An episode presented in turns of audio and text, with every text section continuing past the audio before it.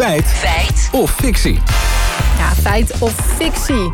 En uh, Lammert, die gaat uh, ook over Rusland vandaag. Ja, en wel over de Russische economie. Want daarover zegt journalist Erik Vrijzen deze week in Elsevier dit.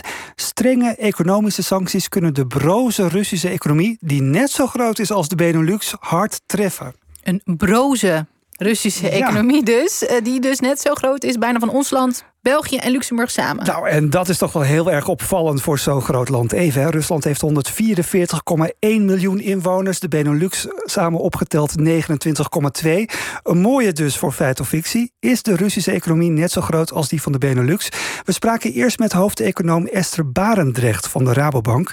Zij bracht de afgelopen week een rapport uit... waarin ze de economische kosten van het conflict berekende. De Russische economie is ongeveer even groot als uh, de economie van de Benelux, dus van België, Luxemburg en Nederland samen.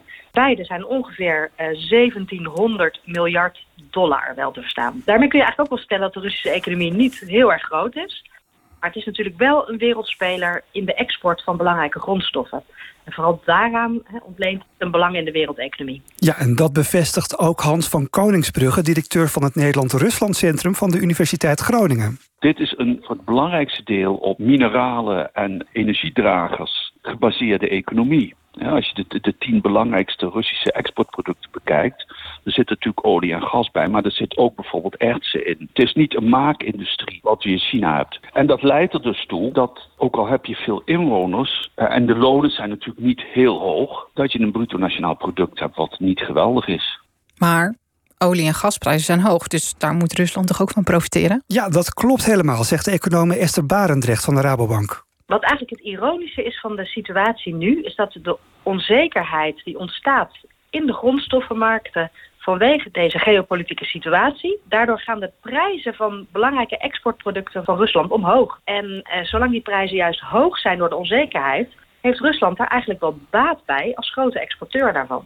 Ja, dus geen reden om het conflict nu uit de weg te gaan. Nee, dus. absoluut niet. Volgens hoogleraar van Koningsbrugge heeft Rusland nog wel meer troeven in hand om een eventuele langere oorlog te kunnen bekostigen. Bijvoorbeeld dat Rusland uh, heel weinig buitenlandse schulden heeft vergeleken met Nederland of met landen in het Westen.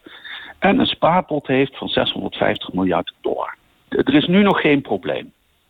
Nee, nog, nog geen niet. Probleem. Nee, je voelt hem al aankomen. De situatie kan natuurlijk veranderen, zegt econoom Barendrecht. Als besloten wordt dat hele stevige sancties die juist ingrijpen op de mogelijkheid van Rusland om geld te verdienen met dat soort grondstoffen, ja, dan wordt het economisch juist een heel erg moeilijk verhaal voor Rusland.